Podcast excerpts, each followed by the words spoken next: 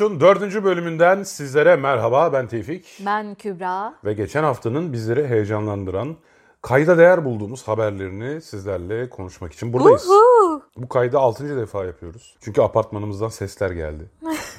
Evlerinde podcast kaydeden bir komşuları olabileceği yönünde düşüncelilik göstermeyen sevgili bireyler sebebiyle, Komşu bireyler. komşu bireyler sebebiyle.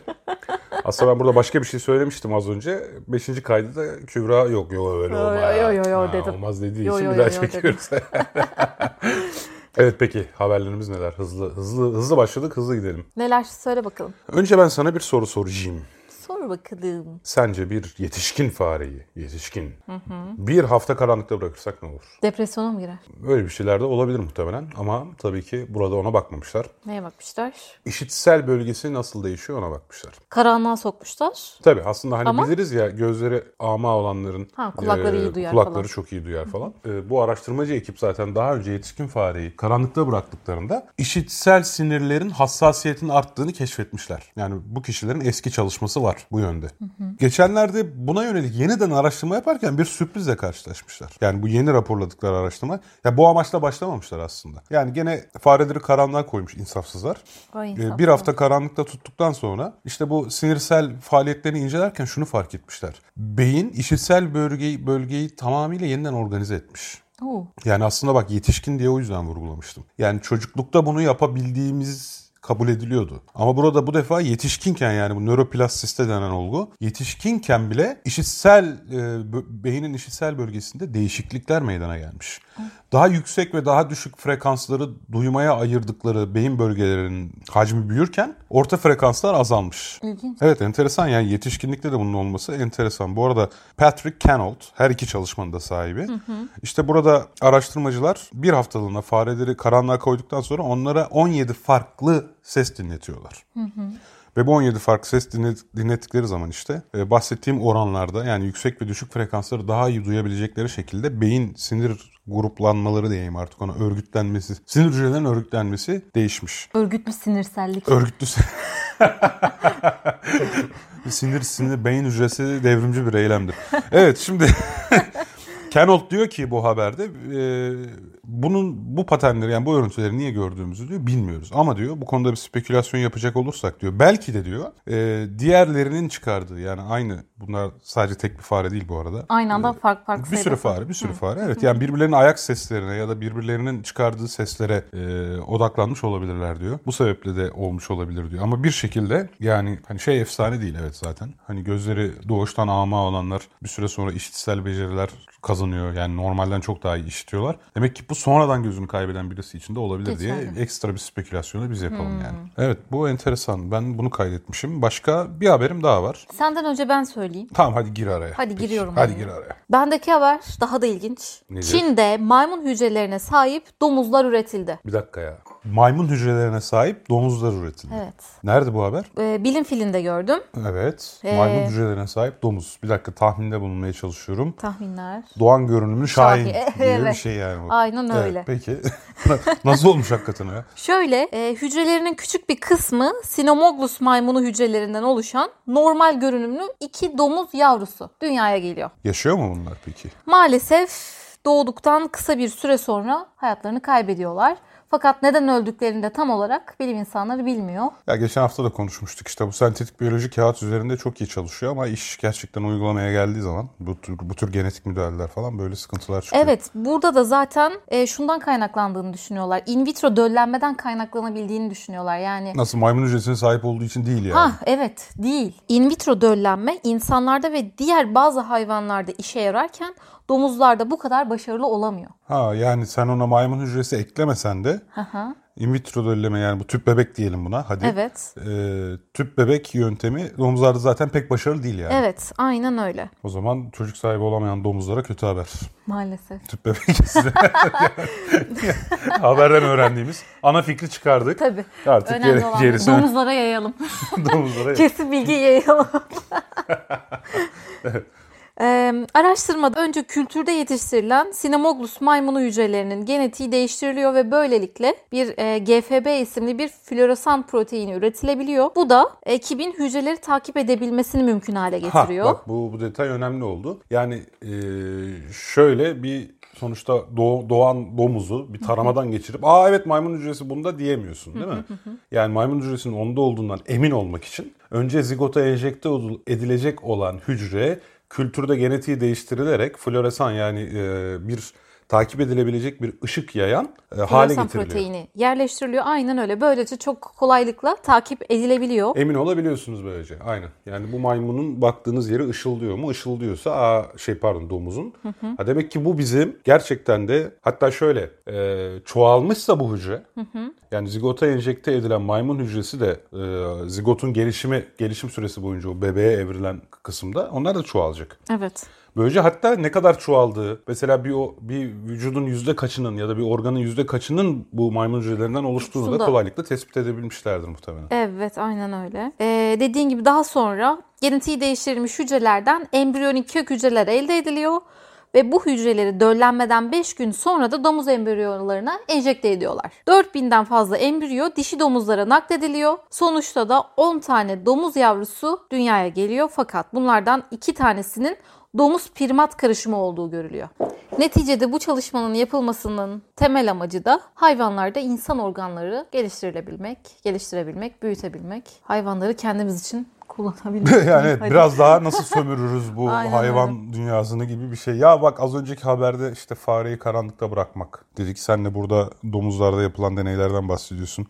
Yani tabii ki bunların eskiden yani bilimin ilerlemesi için falan iyi bir şey olduğunu düşünüyordum da yavaş yavaş bu fikirden vazgeçiyorum galiba ya. Neden? Ya birincisi bunların çoğu ticari çalışma. Tamam ya insanlık için iyi de. Hı hı. Yani arkasında kar güdüsü de var. Mesele sadece araştırma değil. Ama bir şey, şey işte bas, arkasında sadece kar güdüsü var diye de. Hani... Hayır sadece kar güdüsü diye demedim. Ama hani niçin insan yaşamını ilerleter, ilerletirken diğer hayvanların feda edilebileceğini düşünüyoruz? Sadece bunu biz yapabildiğimiz. Bunu bir gün köpekler de yapabilirse arada insan öldürmelerine ses çıkarmayacak mıyız falan? Ses çıkartamayacağımız duruma gelirsek zaten.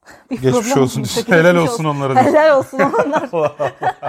Kurusunlar insan ya, sayını bilmiyorum ya bu etik meseleler biraz işte e, kafamı bulandırıyor ya. Öyle. Yani tam başka yani şimdi tabii bak bir yakınım şu an organ bekliyor olsa böyle demezdim işte. Evet. Tamam mı?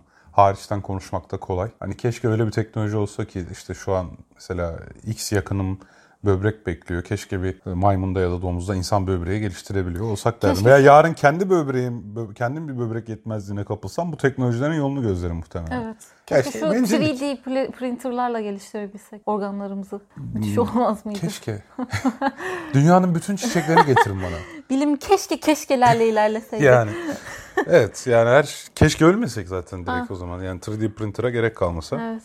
Evet neyse. Kısacası bu. Peki o zaman biraz daha geçmişe dönüyorum ben. Tamam. Bir haberim daha var benim. Peki nedir? O da şu. Şimdi 700 milyon önce dünya yaşadığı en şiddetli buz çağını yaşadı. Hı hı. Uh, soğuk kesin. Snowball Earth dedikleri, kar topu dünya dedikleri. Yani uzaydan dünyaya baksan bembeyaz kaplı. Öyle bir dünya. Bu soru işaretlerinden bazıları şuydu yani tamamıyla buzla kaplanmış bir dünyada o zaman deniz yaşamı nasıl hayatta kaldı? Yani daha kompleks hayat gelişmeden önceki zamanlardı hani Allah'tan şimdi şimdi böyle bir şey olacak olsa iptal yani. Evet. Bütün yaşam iptal ama e, o zaman daha zaten e, sadece ortada tek hücreler falan var. Şimdi bu Avustralya'da araştırma yapan bilim insanları oradaki e, demir zengini kayaları inceledikten sonra işte burada tabii jeolojik e, bazı araştırmalar öyle söyleyeyim çok konu hakkında bilgi sahibi olmadığım için direkt aktararak söylüyorum bunu. Ee, şunu fark etmişler. O dönemde oksijen, hava buzullar içerisinde, buzlar içerisinde deniz yüzeyindeki yüzen buzlar içerisine hava kabarcı şekilde hapsolduğu için bunlar inceden erirken okyanusu hala oksijenle beslemeye devam edebilmişler. Ökaryotlar da bayağı buraya tutunarak yaşamış.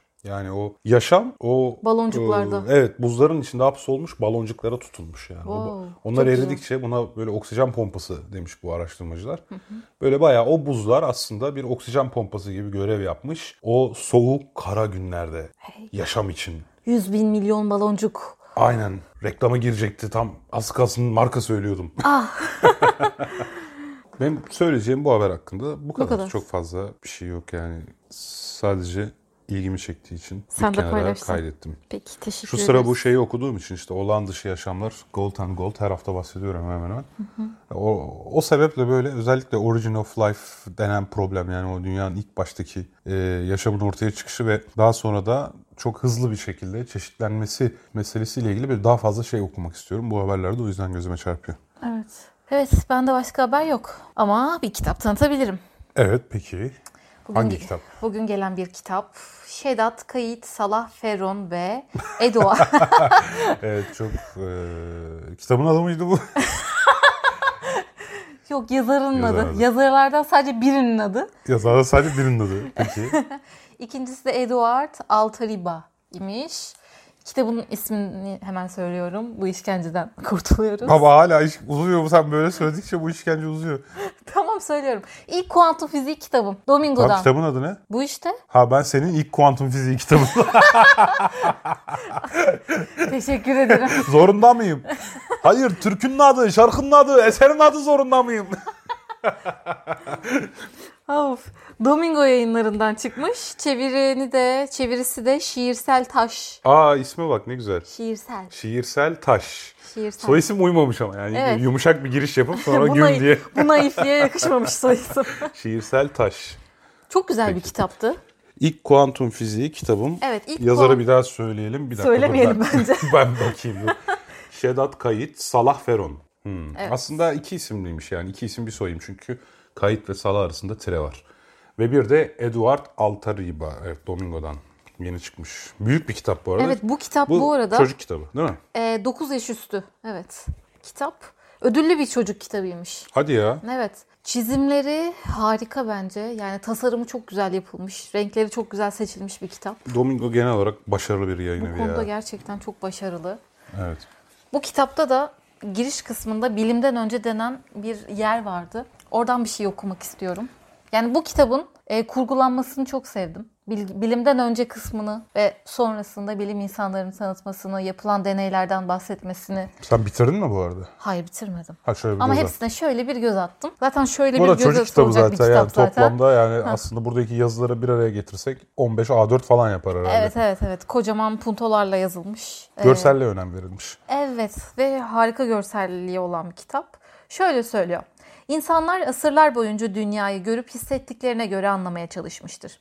Bu yolla açıklanamayan şeyler söz gelimi yıldızlar ya da dünyanın ortaya çıkışı, mitler ve dinle açıklanıyordu. Örneğin bir dağın zirvesinden bakıldığında dünyanın yuvarlak olduğunu hayal etmek ya da evrenin uçsuz bucaksızlığını kavramak çok zordur. Bu sonuçlara varmak için gözü pek olmak ve tamamen farklı biçimde düşünebilmek gerekiyordu. Farklı biçimde düşünebilmek. Ya şimdi gerçekten varsayalım seninle şu an milattan önce 1500'de burada oturuyoruz. Oturalım. Evet. E, tabii podcast kaydı yapamazdık ayrı mesele ama Yapamazdık. e, veya kayıt yapsak da paylaşamazdık. veya paylaşsak da kimse dinleyemezdi gibi bunun zincirleme olarak. Bazı küçük sorunlarımız olurdu. Evet bazı küçük sorun ama her sorun aşılır bunları da aşardık belki. Neyse işte mağara duvarında seninle bilimsel bir şeyler karalıyoruz Hadi diyelim. karalayalım. Ee, gerçekten dünyanın yuvarlak olduğundan niçin şüphelenelim ki yani? Gerçi bu geminin önce bacası gözüktü vesaire muhabbet hani ezelden beri insanlar sezgisel olarak uzakta bir eğim olduğuna kapılmışlar. Hala kapılamayan düz dünyacılar var ama e, yani bunu bir şekilde hissetmişler. Ya bu arada dünyanın düz olduğuyla, ay düz olduğuyla diyorum. Etkisi altlarına aldılar beni. Kurtar Şu an beni. şu an şu an telepatik saldırıya uğruyoruz. Aman Allah'ım. E, dünyanın yuvarlak olduğunu niye sorgulayayım zaten? Hani bir de öyle bir şey var. Bir dakika dünyanın derken bu arada dü- dünya ne? Dünya ne bir de? Öyle bir mesele de var.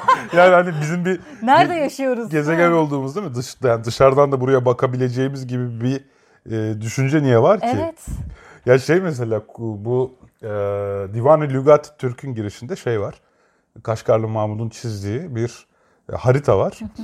Mesela o haritada insanların hiç gidemediği yerler için işte buradan sonrası çok sıcaktır asla kimse yaşayamaz. Buradan sonrası çok soğuktur kimse yaşayamaz. Şurada Yecüc Mecüc var falan yani böyle sadece gidebildikleri yeri çizip ardın ardını hani buraya gidilemez zaten diye bırakmışlar. Yani hani ya bak hala çok enteresan. Şu an biz şeyin farkındayız. Hani bir gezegenin üzerinde yaşadığımızın da olmasaydık Uzakları nasıl hayal ediyorduk acaba? İşte evren sadece keşfedebildiklerimiz kadar. Elimizin ulaştığı kadarı idi. Yok öyle de şimdi diyelim ki bak o tarihteyiz ve şu an çok meraklıyız tamam mı? Hani bir yere kadar gidiyoruz karşımıza bir uçsuz bucaksız okyanus çıkıyor. Hani demek ki buradan sonrası su. Sonsuza kadar su. Hani yüz milyarlarca trilyonlarca kilometre boyunca su mu diye düşünüyoruz yani. Anladın mı? Yani biri su diye düşünüyor. İşte o biri farklılık yaratan biri acaba bunun ötesinde bir şey var mı diye düşünüp Oradan o denizi gidip açıyor. zaten böyle Magellan gibi tur atıp geldi diyorsun. Evet. Peki tur atıp aynı yere gelince bunun niye dünyanın yuvarlaklığına yorayım ki yani? Büyüye falan yorarım ya da ulan pusula şaştı demek ki falan derim yani. Yok işte bir şekilde Farklı biçimde düşünebilmek gerekiyordu diyor düşünebilenler ya. olmuş. Yani mesela Eratosthenes dünyanın çevresini hesaplamıştı ya. Evet. Çevresini dediğimize göre Nasıl bir tahayyül. yani yuvarlak olduğunu düşünüyorsun. Bir de tutuyorsun bunu ben bir hesaplayayım diyorsun. O da güneşin açısından falan faydalanarak hesaplıyor yani. Ama tabii o bile yeni sayılır. Yani insanlık tarihini düşününce bir 10 bin yıl önceki insanın çevreye bakış ve yorumlaması çok enteresan ya. Yani şu an her şeyi biliyoruz. Bilmeden önce Gerçi şey gibi şu an bilmediğimizi bilmiyoruz zaten değil mi? Evet. Mesela bundan bundan yaklaşık 30 bin yıl sonra başka bir Kübra ve Tevfik ya işte evrenin sınırlarını bilmiyorken ne düşünüyorlardı acaba? Ya evet, hani uzaya bakıp acaba? uzaya bakıp şöyle mi düşünüyorlardı? Buradan git böyle trilyonlarca kilometre. Böyle git git git git git sonra evet ya. Çok enteresan ya. Bil- bilmediğimizi canlandırmak bile çok zor. İşte o farklı düşünüş çok güzel kelime bak. Evet. Bambaşka bir bakış açısı. Aynen yani öyle. Bu bilimden önce kısmını da işte çok güzel kurgulamışlar. Kitabı iyi övdüm yalnız. evet ya kitabı övdük ama yani işte iyi kitap övülür ya. Evet. Yapacak bir şey yok. Aynen öyle. Benim de bu hafta bir romanım çıkıyor. Ay evet çok İyi kitap demişken. Ay iyi Ya, kitap demişken iyi aklımıza geldi. Kendi kitabımız diye demiyoruz. Kitabımız da çok iyi ya. Kakamızı yaptık gibi oldu. Böyle anneler Dur, öyle yapmayalım. çocuklarla çok bütünleşiyor. Böyle kakamızı yaptık işte. Dün akşamdan beri yemek yemiyoruz. Dün çıkardık biraz. şey gibi oldu. Kitabımız diye demiyoruz. Ay biz uyar ailesi. Evet o zaman bu hafta neler neler olmuşun sonuna, Ay, ay, neler sonuna olmuş. geldik yani. Evet. Evet bizi dinlediğiniz için teşekkür, Teşekkür ederiz. Haftaya görüşmek dileğiyle. E, hoşçakalın efendim.